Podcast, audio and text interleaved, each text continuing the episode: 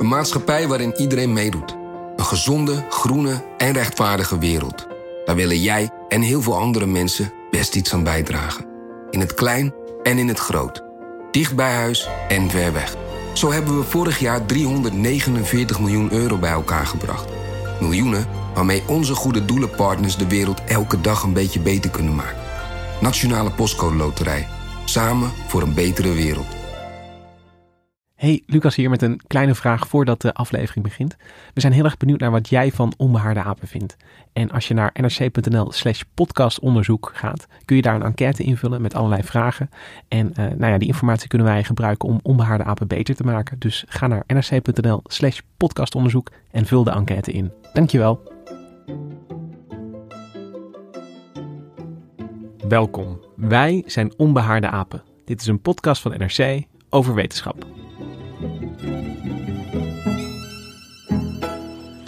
I'm so sick of hearing about bronze. Bronze, bronze, bronze, bronze. What's wrong with stone? Does stone not work all of a sudden? Well, they say that bronze will revolutionize the way we hunt together. Well, maybe, but I can't be doing with it. Horrid, shiny stuff. Ugh. Ja, je hoorde hier een stukje uit het vrij briljante Engelse comedische programma Dead Mitchell en Weblook, waarin de bronstijd op de hak wordt genomen. Bronze, bronze, bronze.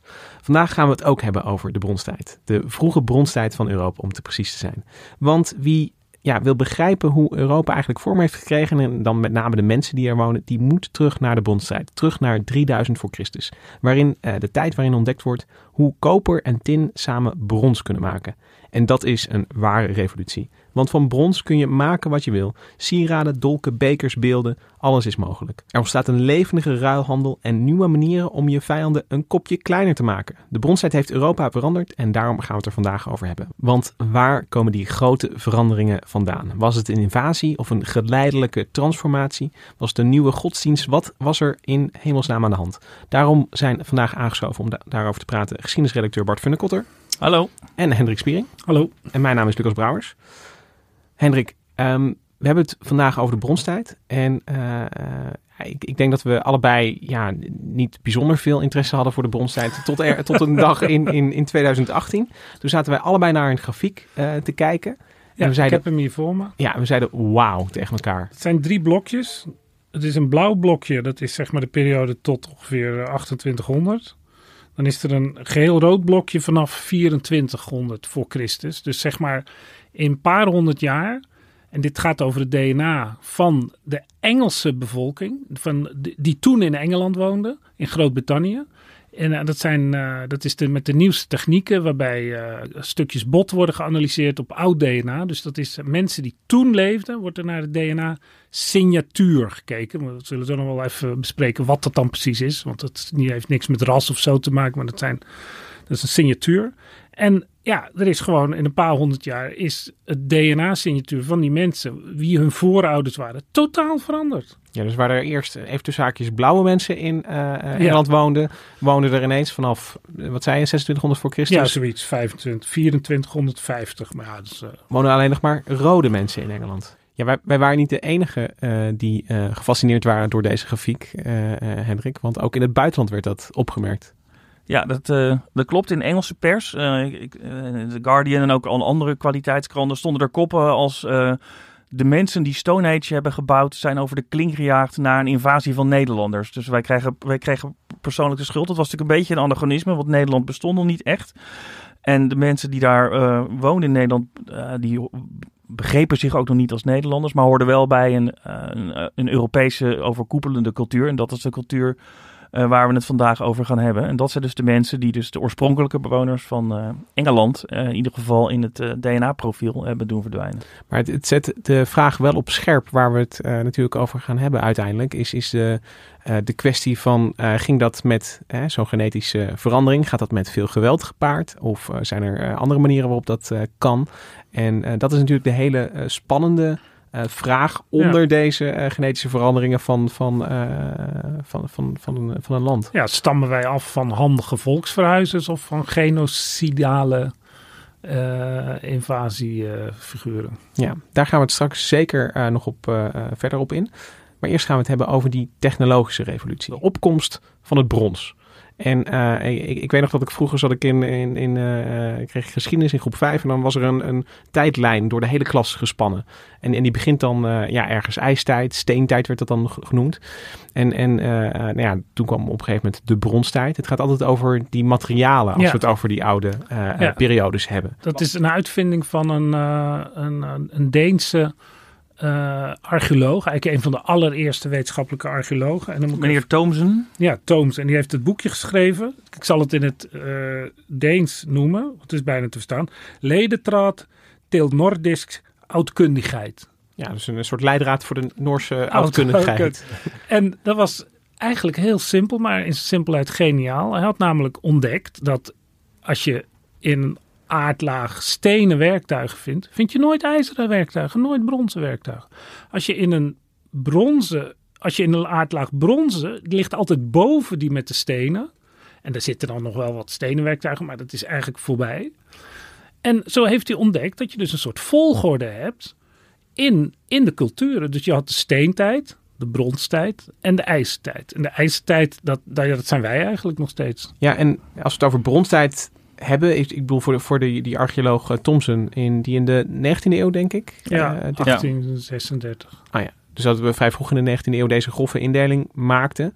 Eh, eh, de bronstijd valt ook nog verder in te delen. En, en waar we het vandaag eh, veel over gaan hebben is, is de vroege bronstijd. Maar de, er is nog een, een gedeelte van de bronstijd dat misschien bekender is, in ieder geval voor jou. Ja, ik heb bij dit gesprek eigenlijk niets te zoeken, want we gaan, hebben het vandaag over de prehistorie.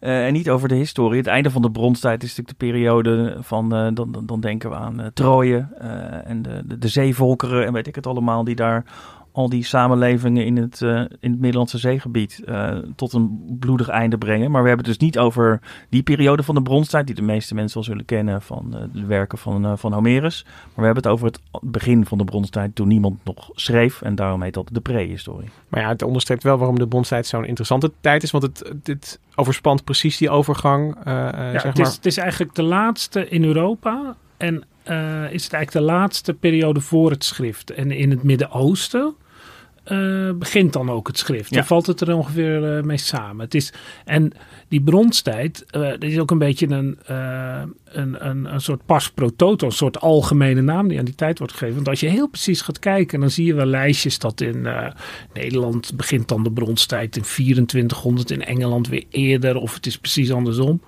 En, maar het grofweg, ook met de archeologen die ik voor, eh, voor, voor dit onderwerp sprak, is gewoon vanaf 3000 wordt de bronstijd eh, genoemd. Gewoon voor het gemak. Omdat er dan iets nieuws begint, dan, eh, dan beginnen er allerlei culturele ontwikkelingen. Wat, wat, wat, is dat nieuws precies? Want je hebt, eh, we, we hebben het over brons. Wat, wat zo'n klassieke proefwerkvraag is, wat is brons? Nou, dan moet je invullen een legering van koper en Ja, tin. en dat is natuurlijk ook heel belangrijk. Kijk, koper bestond al langer. Dat bestond eigenlijk al, is op de Balkan ergens ontdekt, 5000 voor Christus. Zitten we 2000 jaar voor deze periode. Dat, dat koper is eh, zacht en op een gegeven moment komt dat brons en dat is hard. En daar kan je dan eh, bijlen van maken. Eh, op een gegeven moment zitten we dan in de middenbronstijd, worden er zelfs zwaarden van gemaakt. Het eerste eh, wapen wat eigenlijk niet geschikt is voor de jacht. Dat is een belangrijk moment in de geschiedenis van de mensheid. Is er voor het eerst een wapen gemaakt wat je alleen maar gebruikt tegen andere mensen. Ja, maar het is eh, goed om bij stil te staan dat het dus echt ook een technologische revolutie is. Want je, eh, ehm, ja, wat ik me zo voorstel van als je stenen pijlpunten aan het maken bent, dan ben je heel erg lang bezig met elke pijlpunt. Maar met brons heb je natuurlijk, eh, kun je gaan gieten. Ja, het is eigenlijk het plastic van de prehistorie. Dat plastic heeft natuurlijk een slechte naam gekregen, maar het is natuurlijk een fantastisch eh, materiaal. Waar je alles van kan maken wat je ziet, wat je bedenkt. En dat is met, met brons op een eenvoudigere manier natuurlijk ook. Daarvoor moest je altijd iets maken van iets anders. Maar nu kun je, als het niet bevalt, smelt je het weer om. Was natuurlijk allemaal niet zo eenvoudig, maar dat kon allemaal wel. En eh, je had dus hele gespecialiseerde mensen. En als je die, eh, die technologisch, eh, die technisch-archeologische analyses van brons bekijkt. Ja, hoe hebben ze dat gedaan? Hoe zijn ze van het een op het ander gekomen? Hoe kwamen ze op het idee van dit? En ja, er zit gewoon een enorm vakmanschap van mensen die hun hele leven daarmee bezig zijn. En Bart, als je dan hebt over, ik noem het dan een, een technologische revolutie, maar zoals Mhm. elke nieuwe technische innovatie heeft dat eh, gevolgen voor, voor een samenleving, voor een gemeenschap, voor, voor een maatschappij. Als Hendrik het heeft over zwaarden, dan, eh, dan kun je ook wel zien dat de bronstijd misschien de, de dynamiek tussen mensen verandert. Ja, en dat is niet, niet alleen vanwege het brons. Ik denk dat er een paar andere dingen meespelen. Omdat die hele vroege bronstijd was een periode van revolutionaire technologische ontwikkelingen. Eh, dingen die wij nu volkomen normaal vinden, als het wiel. Eh, het wiel met spaken eh, werd toen ook uitgevonden. Eh, dat zorgde voor. Het was een combinatie van technologische ontwikkeling die het mogelijk maakte om verder te kijken dan je eigen omgeving. En om ook een begeerig oog te laten vallen op de spullen van je buurman. En met behulp van brons en met behulp van paarden en met behulp van wagens.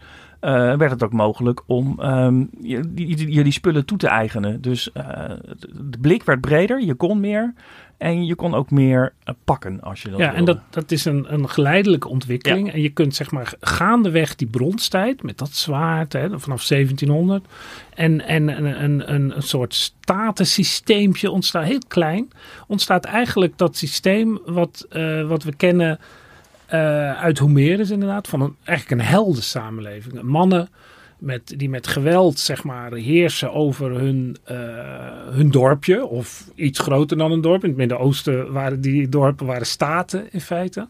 En dat, dat is een, een soort moderne ontwikkeling die daarvoor eigenlijk niet bestond. Dus- voor zover we weten. Nee, natuurlijk. dus je zou wel kunnen zeggen dat, dat die tijd die ervoor zat, wat eh, de, de gemeenschappen iets lokaler waren. Dat je, eh, Ja.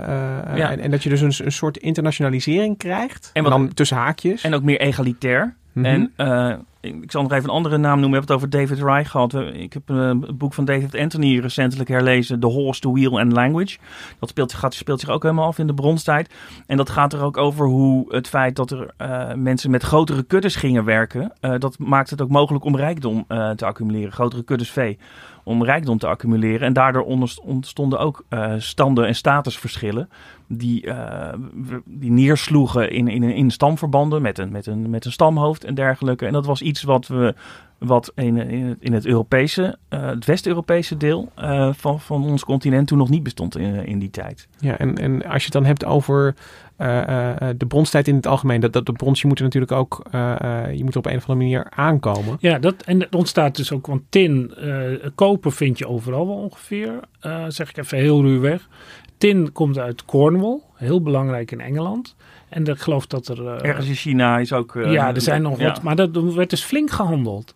En ook in mooie bronzen voorwerpen, die Maar- werden maar- maar over heel Europa verspreid. Voor mijn begrip, tin is wat zeldzamer dan brons. Ja. Of eh, dan, Ja, dan dan- koper. koper. Veel zeldzamer. Veel zeldzamer. Ja. Maar we hebben het allerbelangrijkste van, of nee, niet het allerbelangrijkste, maar we hebben nog één belangrijk punt van die bronstijd eh, vergeten. Dat is dat er dan, daarvoor had je allemaal lokale culturen. Dus eh, je had dan eh, de Vlaardingen cultuur en in Frankrijk had je ook allemaal, het is een, een, een, een, een baaierd van allemaal namen, Michels cultuur, van alles en nog wat. En die- Vaak worden die dan genoemd naar een plek waar iets gevonden Ja, is uit die en tijd. dat, dat leek natuurlijk allemaal wel een beetje op elkaar, maar werd toch duidelijk te onderscheiden. Maar in de bronstijd komt dan voor het eerst en, eh, de, een klok, de klokbekercultuur. En die is overal hetzelfde. En de oudste klokbekercultuur, en dan komen we wel een beetje naar die invasies toe. De oudste klokbekercultuur, die is zeg maar in heel Europa ongeveer gelijk. Die, het gaat dan om, om, om aardewerk. Wat natuurlijk heel makkelijk eh, bewaard blijft en heel makkelijk te identificeren is. En die potten die lijken echt op elkaar. Die hebben een vorm van omgekeerde klok. En ja, ik, ik kan het allemaal niet precies zien, maar archeologen kunnen het natuurlijk tot in de detail analyseren. Die en denken, hé, hey, dat is een klokbeker. ja, en die oudste eh, varianten, die zijn het, uni, het uniformst.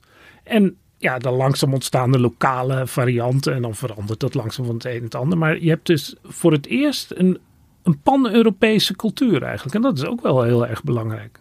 En eh, een, een, een bijzonder aspect daarvan, in ieder geval wat nog terug te zien in Nederland. Eh, eh, ik kom uit Goorlen oorspronkelijk. En als je daar gaat wandelen op de heide, dan vind je daar, ik zeg gerekels geweerd, maar vind je daar grafheuvels. Ja, dat is ook een typisch kenmerk van die, van die klokbekercultuur. Ja, dus dat is, ook, niet allemaal geloof ik, maar het is wel vrij dominant. ja. dat is dus echt, echt een bronstijd Ja. dingetje, zo'n Ja. grafheuvel. En die vind je dus inderdaad van Mongolië tot, tot Goorlen. Dus dat is een, een, een, een heel, heel breed fenomeen. Tot Ja, Ierland. Ja. Goorlen niet eh, tekort doen, maar Nog iets verder zelfs, ja. En, en eh, eh, nou ja, wat ik van die grafheuvels weet, is dat daar ook vaak mensen, mannen, met, met veel grafgiften Ja. be- begraven werden. En dat doet me dan weer denken aan wat jij zei, Bart, over ja, het, het, het verschil in status, in een eigendom misschien ook wel. Ja. Wat je daarin dan ook een beetje terugziet. Eh, Dat zie je inderdaad daar terug. En dat, dat zie je ook terug in de taal die die mensen spraken. Daar komen we zo nog even op terug. Maar ik geloof dat 80% van dit soort graven eh, wordt bewoond door mannen. Ja. Dus het was echt een mannending. Hendrik, we hebben het de hele tijd over iets wat, wat in heel Europa gebeurt. Die, die grafheuvels, die zie je overal. Die bronzen bijlen zie je overal. Ehm, kun je nou gewoon op basis van, van archeologie en wat we nog meer weten... eh, ergens aanwijzen waar dat vandaan komt? Heeft het een begin ergens? Ja, het, het, het, ehm, het komt allemaal uit wat dan wordt genoemd de steppen. Dat is een beetje een algemeen woord geworden. En dat is eigenlijk het gebied boven de Zwarte Zee en boven de Kaspische Zee. Wat zo een beetje, het duikt nog een klein beetje naar de Caucasus toe. En dat loopt zo weg naar het oosten. En het loopt ook weg naar het westen, naar de, de, de Hongaarse steppen. Ja. Maar het kerngebied is, eh, ja, je, het wordt vaak Oekraïne genoemd, eh, de Pontisch-Kaspische steppen. Pontisch is dan Zwarte Zee. En het volk wat daar dan eh, rond, eh, eh, precies op de goede tijd voor Indo-Europees en voor eh, het, het eerste brons enzovoorts woont en de eerste eh, pastorale cultuur, dat wordt met een, Russisch woord Yamnaya genoemd. En, en, en dat zijn dan al mensen die dus, eh, je noemt ze pastoraal, dus dat betekent dat je schapen houdt. Ja, het waren, het waren herders. En niet zomaar herders. Het waren herders die niet op één eh, vaste plek bleven. Maar herders die met behulp van eh, een paard, met, die een, een, een kar met zich meesleepte.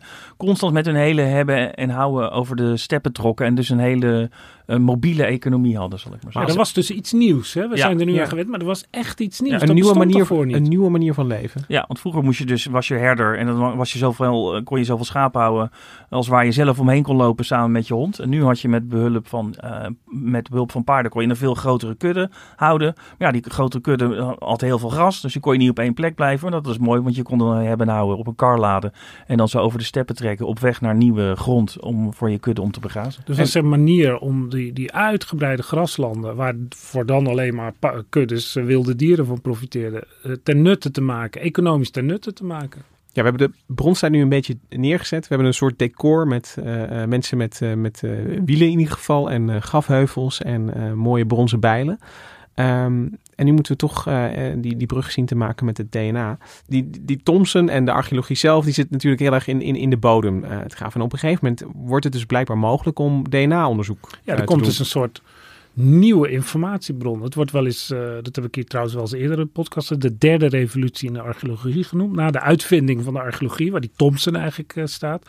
Dan heb je nog C14, ook heel belangrijk voor datering. Maar dit is dan een hele nieuwe informatiebron. Dat je dus, ja, vroeger moest je dan raden uit welke tijd het was. Op, of raden, maar kon je wel ongeveer zien natuurlijk. eh, Op grond van wat voor bijgiften er waren. En kon je het ook dateren met eh, C14, maar dat was het dan.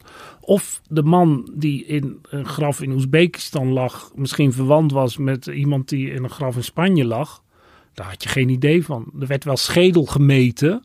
Maar dat bleek ook allemaal onzin te zijn, omdat het vaak door het klimaat wordt veroorzaakt hoe die schedel eruit ziet. Ja, dus je, kon, je had eigenlijk geen manier om, om, om te kijken hoe eh, mensen op verschillende plekken uit verschillende tijden aan elkaar verwant waren. Nee, want dan, dan kom je weer van die potjes en de mensen. Eh, je kan zeggen, nou, als er nieuwe potjes komen, dan moet er wel een invasie zijn, want die nemen die potjes mee. Maar er was geen argument om dat te steunen, omdat iemand kon net zo goed zeggen, ja, maar ze hebben, wij hebben nu toch ook allemaal Coca-Cola. We zijn toch ook niet ineens eh, genetisch Amerikanen. Nee, dus die potjes hadden ook een, een soort rage kunnen zijn. Ja. Dat iedereen een, een klokbeker eh, wilde op een gegeven moment. Ja, En- en- echt je van het. Of dat gewoon handiger was. En dat, ja, als je brons overneemt, hoef je het niet eh, gelijk de smid mee te nemen. nee, dus de archeologie zat daarin een beetje vast.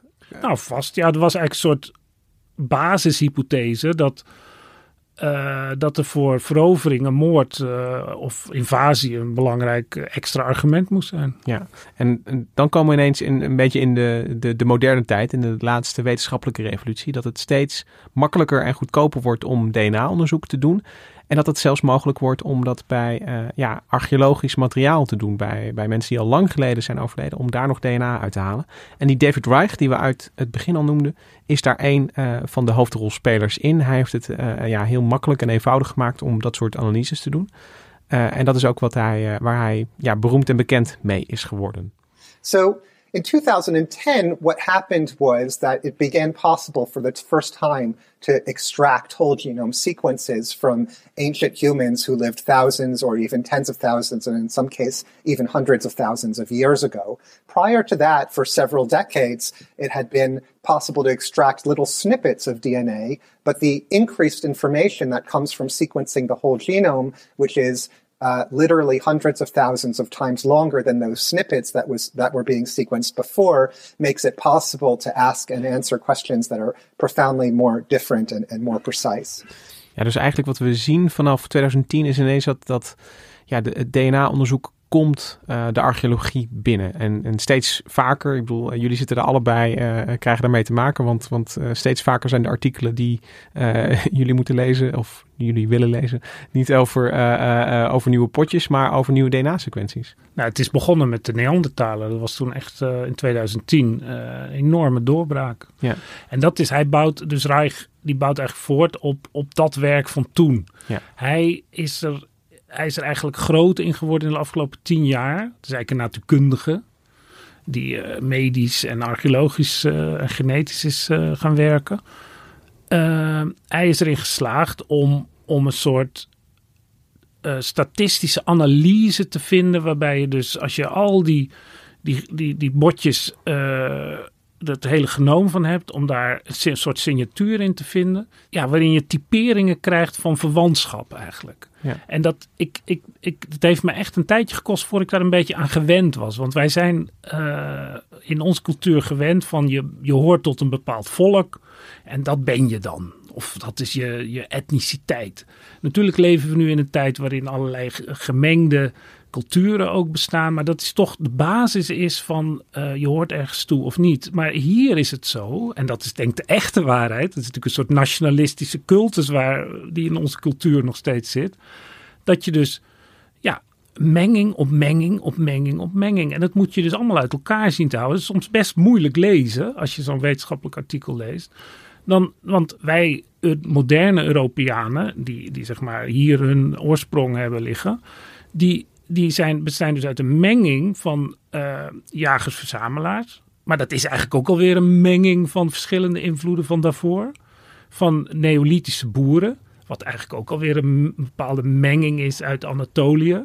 Maar dat kan hij allemaal weer uit elkaar vissen. Want hij heeft dan 1 miljoen datapunten ongeveer van kleine mutaties in het DNA.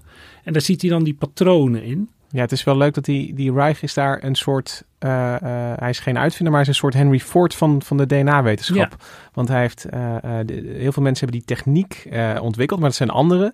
En wat die Reich heel slim doet, is hij, heeft, hij vraagt heel veel mensen om botmateriaal Ja. en, en legt hele grote databases aan. Dus hij automatiseert het eigenlijk bijna. Die- Ja, het zijn enorme aantallen.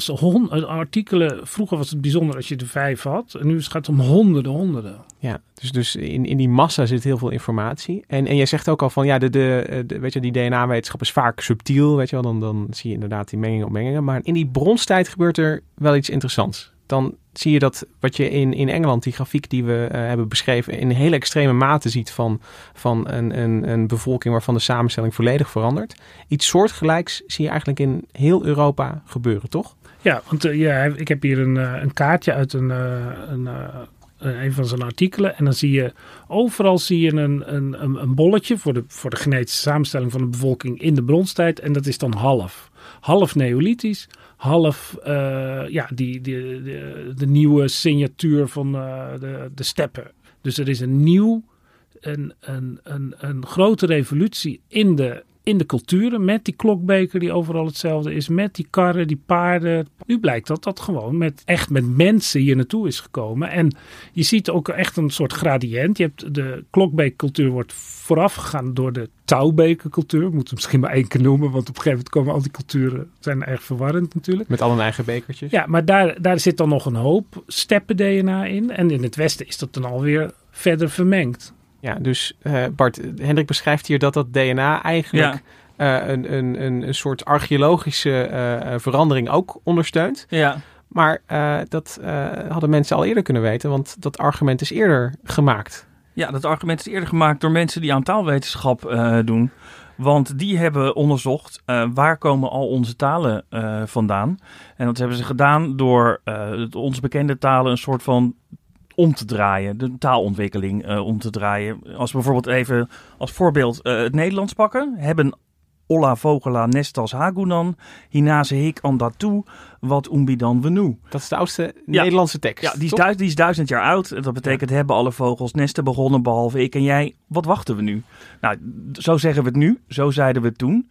Ehm, dat is een lijn. En die klanken die veranderen. Eh, als mensen praten veranderen klanken. En dat gebeurt altijd volgens dezelfde regels. Als je dat weet, dan kan je dus elke verandering in de taal terugkoppelen en verder terugkoppelen en verder terugkoppelen. En als je dat dan doet met Engels en Duits en Grieks en Persisch en Indisch, dan blijkt dus uiteindelijk dat je sommige dingen helemaal terug kan koppelen tot hetzelfde oerwoord, hetzelfde oervocabulaire. En dat oervocabulaire, dat noemen we Indo-Europees. En aan de hand van de woorden die in dat oervocabulaire zit, ehm, zitten, kan je ook kijken waar werd dat Indo-Europees gesproken. En dan zit er bijvoorbeeld een woord in voor eh, wilde bij. Nou, dan weet je, oké, het moet dus in ieder geval ergens zijn waar eh, bijen rondvlogen. En je weet ook, eh er zit een woord in voor wiel, maar ook voor wol. Dan weet je, oh, dan kan je het in de tijd plaatsen. Dan moest de wiel, het wiel moest worden uitgevonden.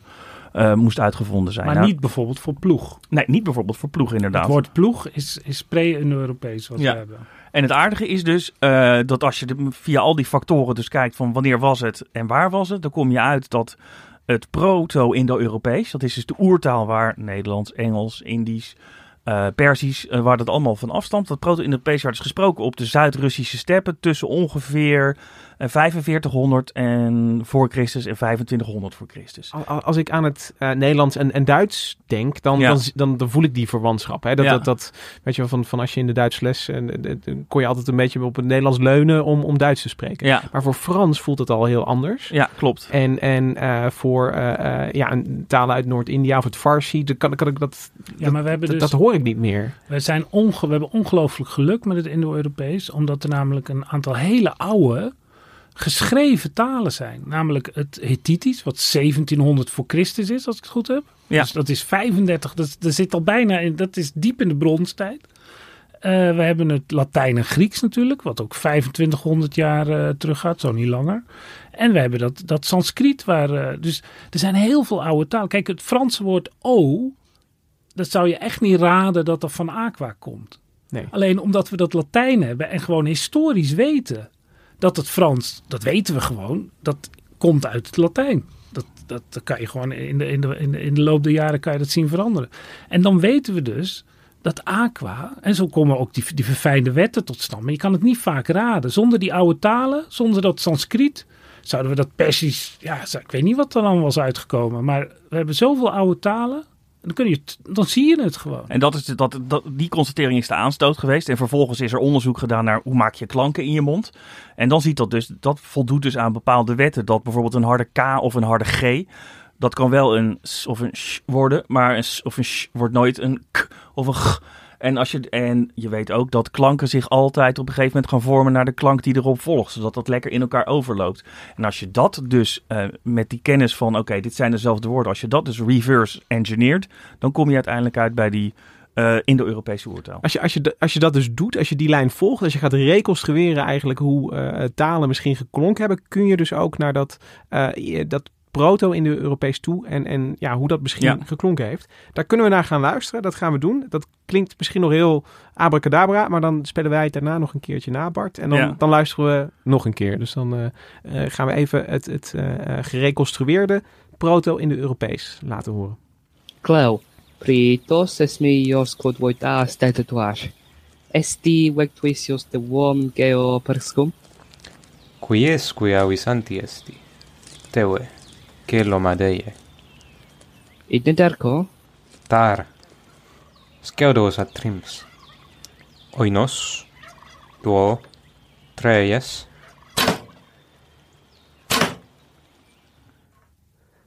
En daar vloog de pijl. Ja, want eh, nu, nu gaan we het even... eh, de- Vond die deze pijl dialoog- eigenlijk het duidelijkst. ik, ik, ik ben even de eerste spreker dan. Ja. Luister, fijn dat we even, sa- even samen gaan jagen. Ik wilde je iets vragen. Stil, er zit een hoen verderop. Zet je pijl op je boog. Ik zie hem niet. Daar. We schieten allebei op drie. Eén, 2, 3. Cleo, pritos esmios quod voitas tetatuas. Esti vectuisios de uom geo perscum? Quiesque avis anti esti. Teue, celo madeie. Idnederco? Tar. Sceudos ad trims. Oinos. Duo. Treies.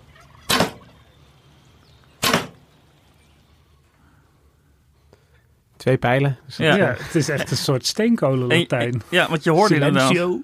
Nee, ik, ik, ik hoorde quies. voor- Quies van stilte. Oh ja, inderdaad. verrek. Ja, dat was het. Ja, sorry. Ja, En eh, daar, voor, eh, ja, voor daar. voor daar. Het, het aardige is, dit zijn dan algemene woorden die je gebruikt tijdens het jagen. Maar wat voor ons, eh, voor ons gesprek vandaag interessant is, is dat er ook in dat in de Europese woorden zitten die je een idee geven hoe die samenleving in elkaar eh, zat. Want er was bijvoorbeeld een woord voor stamhoofd, eh, potis of reg.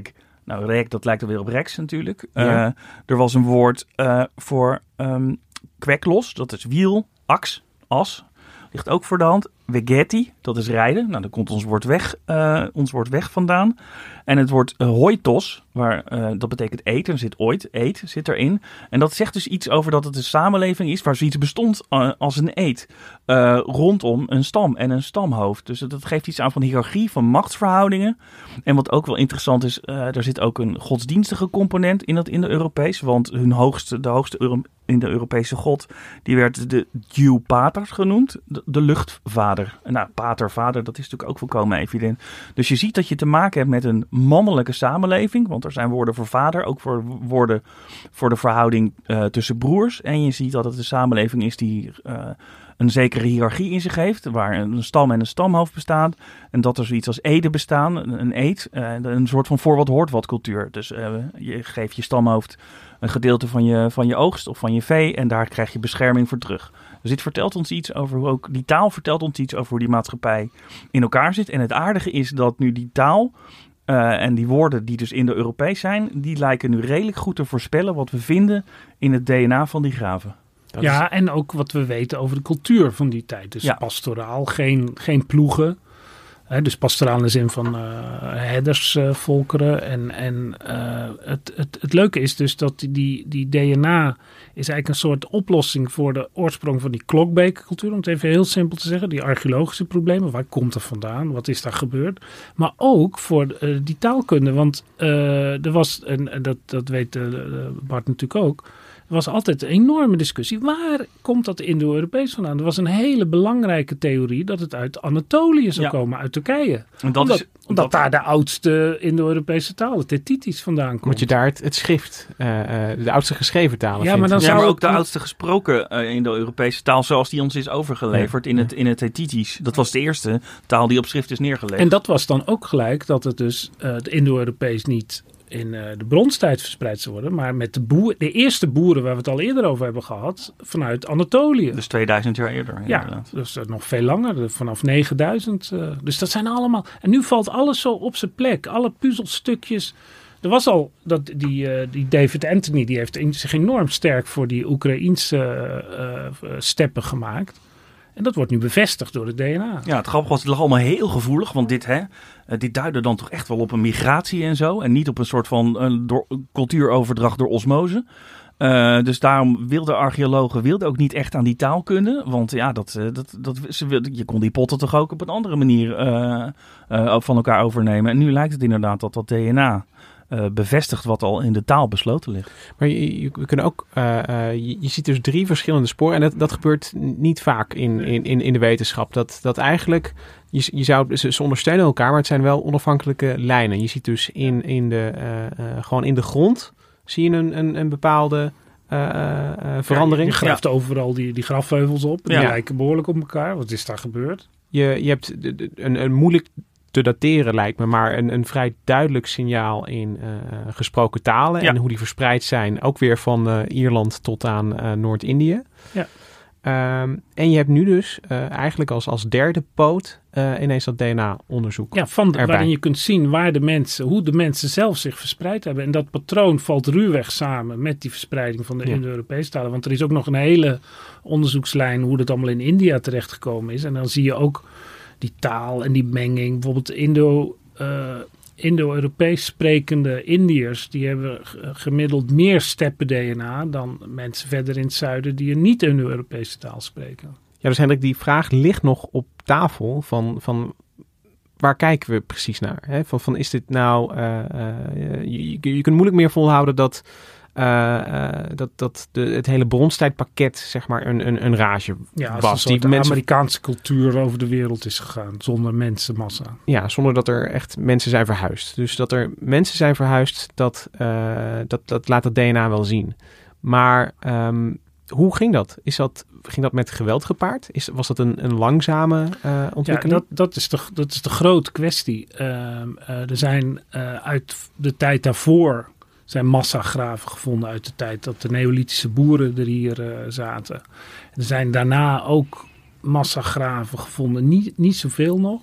En daar kan je, het is niet genoeg om daar, het is niet, je, kan, je vindt de graven niet in die mate dat je denkt, oh, die moeten allemaal uitgeroeid zijn. Ja, maar een, een massagraf is wel een, een, een teken, toch? Voor, Ja. voor... Nou, dat, als je er maar genoeg vindt, dan wordt het onvermijdelijk natuurlijk. Ja. Maar zover is het nog niet. En, eh, maar er is één belangrijk eh, genetisch feit, wat, eh, wat wel de, laten we zeggen, de agressieve sfeer van die migratie lijkt te benadrukken. Dat is het feit dat het Y-chromosoom, dat is dus het chromosoom wat, wat via de mannelijke lijn wordt doorgegeven, dat is niet een heel belangrijk onderdeel van je, van je genetische samenstelling. Want in, in de zesde generatie vooraf is dat nog maar een, een, een, een, heel klein deel van je afstamming. Heb je al die andere voorouders ook. Maar de vader van je vader, van je vader, van je vader, daar krijg je dan dat Y-chromosoom van. En dat zegt ook iets.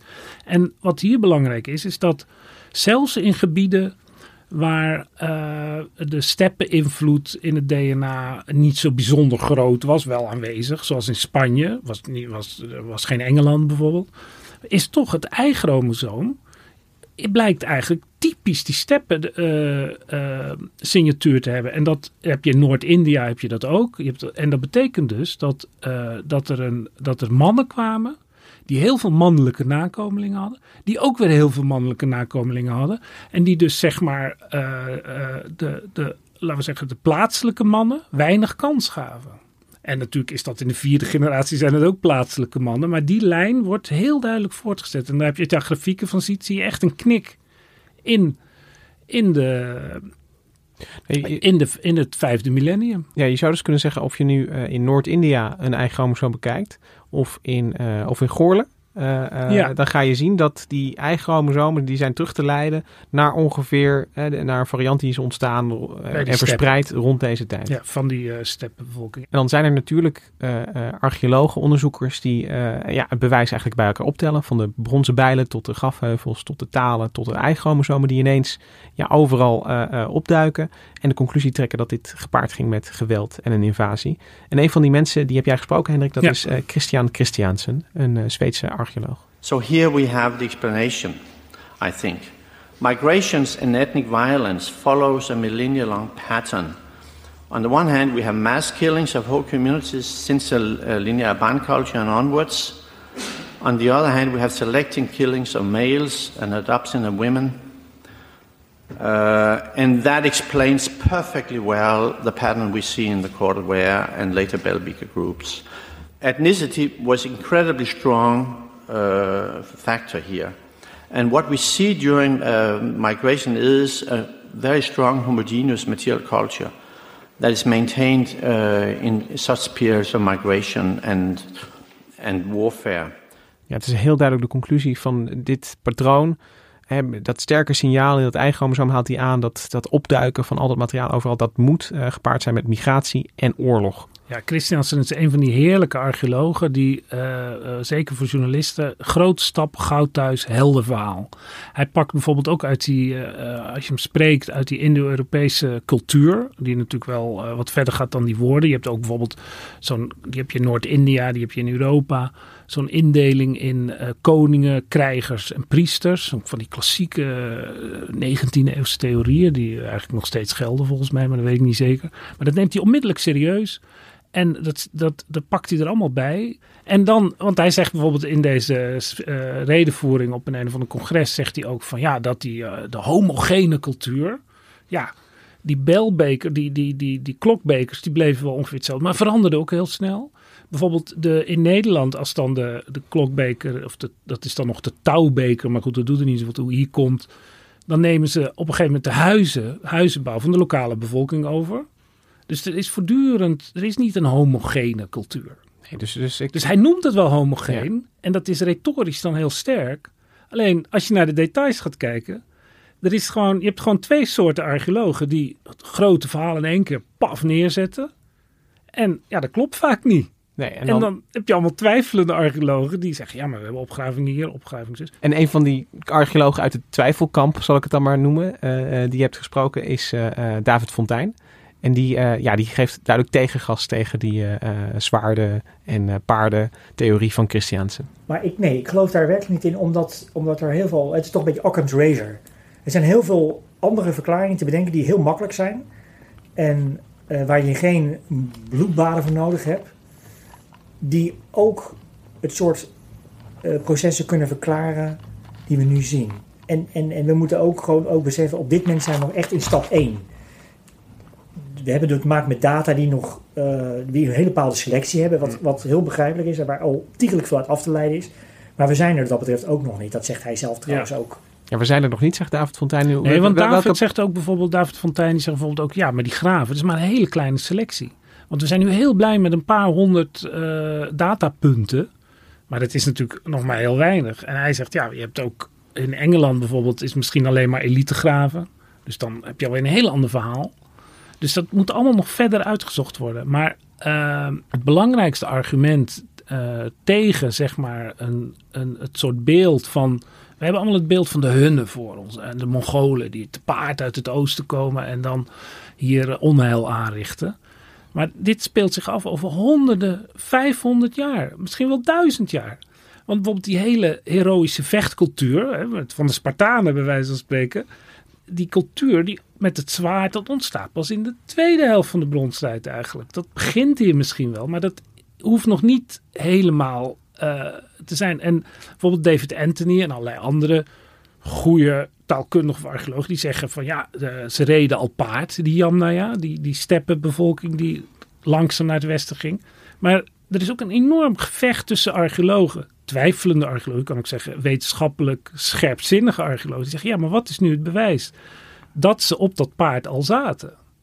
Dat, dat is dan de slijtage van 1 of 2 millimeter in het gebit, kan je dan zien. Waar de teugels zaten. Dat er een bit in zat, ja. Ja, en ja, je, het, natuurlijk lijkt het logisch dat ze al paarden hadden. Of dat ze daarop reden. Waarom heb je anders paarden? Om op te eten. Ja. Ja, om op te eten. Maar goed, dus je kan overal is er een puntje. Maar de- het belangrijkste argument tegen Christiansen vind ik de tijdsdiepte. Ja. En eh, Harry Fokkers, een Nederlandse archeoloog die ik ook sprak, die zegt van ja. eh, er is bijvoorbeeld in het eerste helft van het derde millennium, dus echt met alle begin van de bronstijd, zeg van 3000 tot 2500, zijn heel weinig vondsten. Ook als je naar die onderzoeken van Reich, dan zitten er eigenlijk geen botten in het systeem. Ja, en we kunnen ook even luisteren naar eh, ja, de, man die de hele discussie heeft aangezwengeld, eigenlijk David Reich. Want die, eh, die, die, krijgt natuurlijk ook voortdurend de vraag van, eh, joh, je, je laat dat bronstijdsignaal steeds zien. Wat is daar gebeurd? En daar heeft hij ook een antwoord op. However, conflict is common in the past, and what you can see in the genetic data are mixtures between groups that differently involve males and females. And what that's telling you is that you're seeing unequal mixtures of groups. So I think that it's tempting to think when you see the example of the Yamnaya of kind of horseback riders coming from the steppes, kind of pillaging Europe or something like this. But that's an anachronistic picture. These people possibly could probably couldn't ride horses. They didn't have stirrups. They couldn't shoot a bow and arrow from a horse. Uh, they didn't work in organized bands of that scale. Um, however, they nevertheless did move across Europe, and their descendants sort of uh, produced these very asymmetric uh, mixture events that we observe. Welkom in de wetenschap, hè? Is Ja. het genocide? Weten we niet. Het is wel een asymmetrous mixture event. Ja, een asymmetric mixture event is eh, misschien wel de beste omschrijving voor, voor wat we in ieder geval zien. Eh, het, Want als het dan geen genocide is, eh want je zegt van misschien hebben we alleen elitegraven gevonden. Maar dat betekent dat de huidige Engelsen wel allemaal afstammen dan van de elite. Want in de huidige Engelse bevolking zit alleen dat, dat Y-chromosoom. maar dan, dan kom je dus in een, in een, in een patroon, bijvoorbeeld eh, David Fontijn, die zegt, ja, dat, niemand zegt van, er er is geen, er is geen dode gevallen. Maar je kunt ook, eh, als dus eh, een bepaalde groep, bijvoorbeeld door, eh, zoals Quentin Bourgeois, die eh, ook een Nederlandse archeoloog die ik erover sprak, die benadrukt heel erg van ja, ze kunnen misschien door al die eiwitten uit, die, uit die, die schapenmelk en weet ik veel wat, een betere overleving hebben. Dus je hebt twee groepen, het zijn al bij 100 man. De ene plant zich veel beter voort dan de ander. Door... Menige, ja, misschien houden ze meer kinderen in leven door die melk die Ja. ze, die ze Ja. bijgeven. Misschien zijn ze, dat, daar legde David erg de nadruk op, aantrekkelijke huwelijkspartners. Dus heel veel vrouwen die worden uitgehuwelijkt aan die groep om allianties te kweken. Dan, dan, dan kan er in een paar honderd jaar, kan er, kan er, het, het gaat ook allemaal niet over miljoenen mensen. Misschien dat er in heel Europa eh, vijf, of het is ook allemaal heel onduidelijk hoeveel mensen, maar vijf of tien miljoen mensen woonden. Nee, maar het is, het is wel... Ik bedoel, die genetische informatie, die, die stelt nu wel nieuwe vragen aan die archeoloog. die moeten met een ja. nieuw verhaal komen. Want, want waar ze, zeg maar, tot 30 jaar geleden eh, toch zaten met die discussie van... Ja, weet je wel, was het, was het nou eh, migratie? Was het nou, eh, eh, was het nou zeg maar, acc- acculturatie van, van het overnemen van gebruiken? Ik bedoel, daar... Ik bedoel, mi- migratie speelt een rol. Een hele Ja. belangrijke. Een hele Ja. belangrijke Ja. rol, ja. En er zijn, en er zijn, er zijn doden gevallen. Ik heb het vorig jaar een, een stuk geschreven over een, de vondst van een graf in Polen, waar allemaal doodgeknuppelde neolithische eh, boeren in lagen. Eh, dus daar, daar, is wel iets gebeurd in deze periode. En dat ging niet alleen eh, dat, de, dat de toenmalige bewoners van Europa dachten van nou dat zijn toffe bekers, eh, die willen wij ook. Nee, dat is natuurlijk geen sprake van. Maar, maar het, het is goed dat je dat graf noemt. Er is geen bewijs dat zeg maar de steppen signatuurmensen, laat ik ze zo maar De noemen. klap hebben uitgedeeld. Nee. Want er zijn even goed uit, de, uit de, bandkeramiek, die oudste boerenculturen. Er zijn ook, toen die een beetje uit elkaar vielen en andere culturen kwamen, toen, ja, toen dan vind je ook allemaal van die massagraven. Dat werd ook gevochten. Ik bedoel, er is altijd geweld. Dat kan je eigenlijk, er was ook geen centrale staat die dat uit, het was ieder voor zich, bij wijze van spreken. Ja, kijk, je, je hebt natuurlijk aan de ene kant heb je de, de, de Genghis Khan-achtige genocide. Weet je wel, Ja. dat, dat, is een, dat is een heel... Nou, ik bedoel, ik, ik, ik denk dat we daar wel van kunnen zeggen van, ja, dat, dat, Dat, is... zal het niet geweest Nee, zijn. dat- Dan hebben ze is wel veel te ver. erg langzaam gegalopeerd. Ja, eh, en aan de andere kant eh, eh, is het wel zo dat eh, op een gegeven moment, zeg maar, door heel Europa de cultuur en taal eh, en, eh, En de genen dus. en, en de En genetische vooral dat, de geen en dat eichromosoom. Dat is toch Ja. wel een heel belangrijk argument voor dat, dat beweegt allemaal diezelfde kant op. enorme dominantie van die uh, Van- steppencultuur. Van die steppenmannen in ieder Ja. geval, ja. Ja. Die dus al cultureel een, een, een dominante mannencultuur is. Ja. ja. En dat zie je in die woorden inderdaad. Dat het een mannencultuur was toen ze, al toen ze hier naartoe kwamen.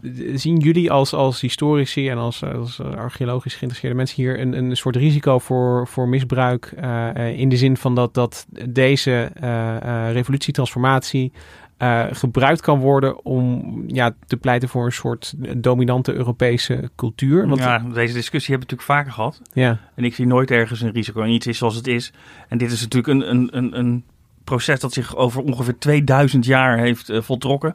En die steppenfiguren zijn eh, inderdaad tot in Ierland, maar ook tot in Mongolië gekomen.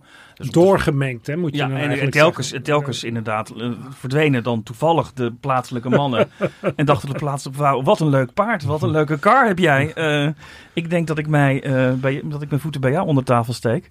Maar eh, om dan te spreken over een Europese cultuur, nou ja, dat is, dat is, eh, dat is onzinnig. Nou, wat je wel hebt is dat, eh, daar, zag ik ook al zorgelijke stukken en ook wel goede stukken van archeologen, dat in, in extreem rechtse kringen, dit is natuurlijk toch de, Indo-Europeanen die zich verspreiden over de wereld, dat is sinds de nazi-tijd politiek ligt dat gevoelig. Dat is ook tot absurde hoogte uitvergroot, die Indo-Europese dingen. Dat is na de Tweede Wereldoorlog allemaal een beetje eh, Gepacificeerd. gepacificeerd. Maar eh, je ziet dan in, in allerlei. Die, die, die, die archeoloog die was ook op al die sites geweest van eh, Stormfront heet dat geloof ik. Of, Ja. En daar wordt dat dan de Yamnaya, dat, dat is helemaal tof. En, Maar dat zijn dus Zuid-Russische schapenherders. Dat vind ik een, een vrij apart als je mm, dan je associeert met het principe van herrenvolk. ik dat zie je ook dan- in, in dat Zweden. daarvoor ja. gaat. In Zweedse literatuur wordt er dan een vergelijk met de vikingen gemaakt. hè. Er waren natuurlijk ook rovers die overal eh, handig eh, te werk gingen. Maar het, het, het meest fundament, dat, dat hou je toch. Dat staat ook iedereen vrij om zijn fantasie uit te leven. Om te zeggen. winkelen in de geschiedenis noem ik het maar Ja, even. maar wat-.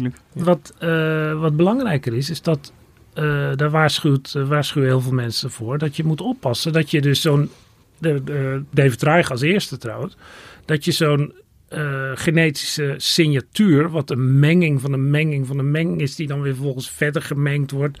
Het is, zijn een soort datapunten die door elkaar gaan als twee eh, sterrenstelsels die, eh, die in elkaar overgaan. Zonder dat daar er verandert van alles. Het is nooit constant. En toch wordt er dan gezien van een volk. Het is heel moeilijk om. Ik begon er ook al mee. Ja. Heel moeilijk om dat niet te zien als een volk wat zich verspreidt. Terwijl het los zand is. Ja, en, en dus de, de truc is eigenlijk om eh, eh, je, niet, jezelf niet te laten verleiden om, om eh, dat soort terminologie eigenlijk te, te gebruiken voor een tijd waarin... Anachronistisch. Ja, waar- waar- waarin dat niet, niet, niet van toepassing was. Ik bedoel, de, de, de, het, het, het woord volk, wa- wat, wat we nooit precies definiëren ook, maar is, is ook daar ja, niet, niet precies genoeg voor om te, te beschrijven wat er op, op, op, op, op genetisch niveau gebeurt eigenlijk. Het is zelfs al niet te vergelijken met, laten we zeggen, de, de Keltische tijd. De laatste fase van de prehistorie. Als de Romeinen komen. Dat je allemaal van die staatjes hebt die elkaar bestrijden. En dat wordt dan ook weer teruggeprojecteerd. Vaak op die vroegere tijd. Maar ja, dat is juist allemaal aan het ontstaan. Het is wel zo dat er iets verandert. Het is, een, het is de geboorte van de nieuwe tijd, bij wijze van spreken. Ja. Nee, het is wel de geboorte. Ja. Dus- en, en we kunnen, het is heel moeilijk het je voor te stellen. Dat vind ik. Die grote beelden van die archeologen. Ja, die blijken ook nooit te kloppen. Nee, in, in, in die zin klopt het wel wat Bart zegt van, van je moet gewoon de wetenschap de wetenschap eh, laten zijn. Omdat die ook steeds weer... De, de, de, worden ook steeds nieuwe vragen gesteld, laat ik het zo zeggen. Die, die, die, die, eh, ehm, en, en, en, en nieuwe gegevens. En, en, eh, eh, want want het, de roep is nu om meer skeletten en meer signaturen. Nou ja, misschien verandert het verhaal daar weer mee iets. Misschien niet. Eh, ehm, Ja, en zeg maar de, het, het, het, het geruststellende, gepacificeerde idee dat culturen zich verspreiden door uitwisseling. Is met dit soort onderzoek van de baan. Dat is wel weg, ja. En eh, eh, die gaat ook niet. eh, ik, ik ik bedoel, dat, dat beeld. Ik bedoel, we hebben wel weer een stap verder gezet dan. eh, eh, dan, dan we zijn wel verder gekomen dan Thompson in, in eh 1830. eh, Nou, ik herinner me dat ik, dat, ik, dat ik iets van 15 of 20 jaar geleden nog stukken schreef. van Allemaal heel moeizaam gedoe. Of, die jagers, of we nou, wij moderne Europeanen, nou afstamden van de jagers-verzamelaars. Of van die eerste boeren. Geen van beiden. Ja, Ah, ja, ja. dus een Ah, één langs de segmentje, mannelijke lijn. Ja, Ja. segmentje. eh. Maar dus toen was er zo weinig bekend. En dat was allemaal zo moeilijk en ingewikkeld. Ja, maar we kunnen dus wel vol overtuiging zeggen nu. We stammen af. eh, ja, we stammen af van jagersverzamelaars. Ja, van die boeren. En ja, van eh, deze, deze Ja, bronstijd. die jagers maar een heel klein beetje. Ja, ja, een Echt maar klein eh, beetje. 5 à 10 procent of zo. Ja.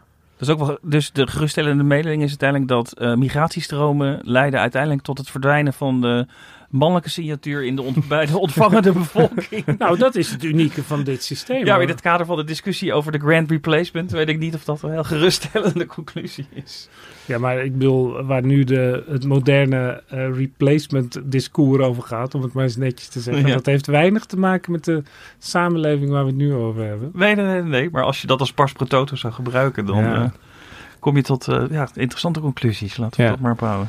Ja, kijk, dus, dus dat, dat hou je niet tegen. Dat, dat, dat mensen zeg maar de, de, een wetenschappelijk onderzoek eh, eh, gebruiken voor, eh, of misbruiken eigenlijk voor ja, argumenten over het, over het heden. Ja, ik denk dat de ideeën van Christiaanse meer zullen worden gebruikt dan de wetenschappelijke twijfel De enerzijds, van anderzijds, ja. David Fontijn of Quentin Bourgeois, die de lange termijn en maar- sluit ook niks uit, maar Nee, maar wij hebben de, de, die wetenschappelijke twijfel in ieder geval laten zien. Dus wij hebben ons eh, eh, steentje of ons bronzen bijltje eh, wel bijgedragen, zou ik willen zeggen. Het laatste woord over de bronstijd is natuurlijk ook nog steeds niet gezegd. Je hebt er al een, een mooi stuk over geschreven, Hendrik. En ook in ons archief zijn veel verhalen over wat er hier is gebeurd terug te veel weerlegde verhalen ook. Ja, inmiddels wel weer, want zo zit de wetenschap dan ook wel weer in elkaar. We zullen nog wat interessante links verzamelen voor de show notes. Ehm, daarmee zijn we aan het einde gekomen van deze aflevering van Onbehaarde Apen. Eh, Hendrik en Bart, bedankt dat jullie hier kwamen vertellen over de bronstijd. Misha Melita, bedankt voor de productie. Eh, de tune die je nu hoort, die is van het eh, Dudok Quartet. En heb je nou een vraag of een idee voor een goede podcastaflevering? Stuur dan eens een mailtje naar podcast.nrc.nl. Tot volgende week.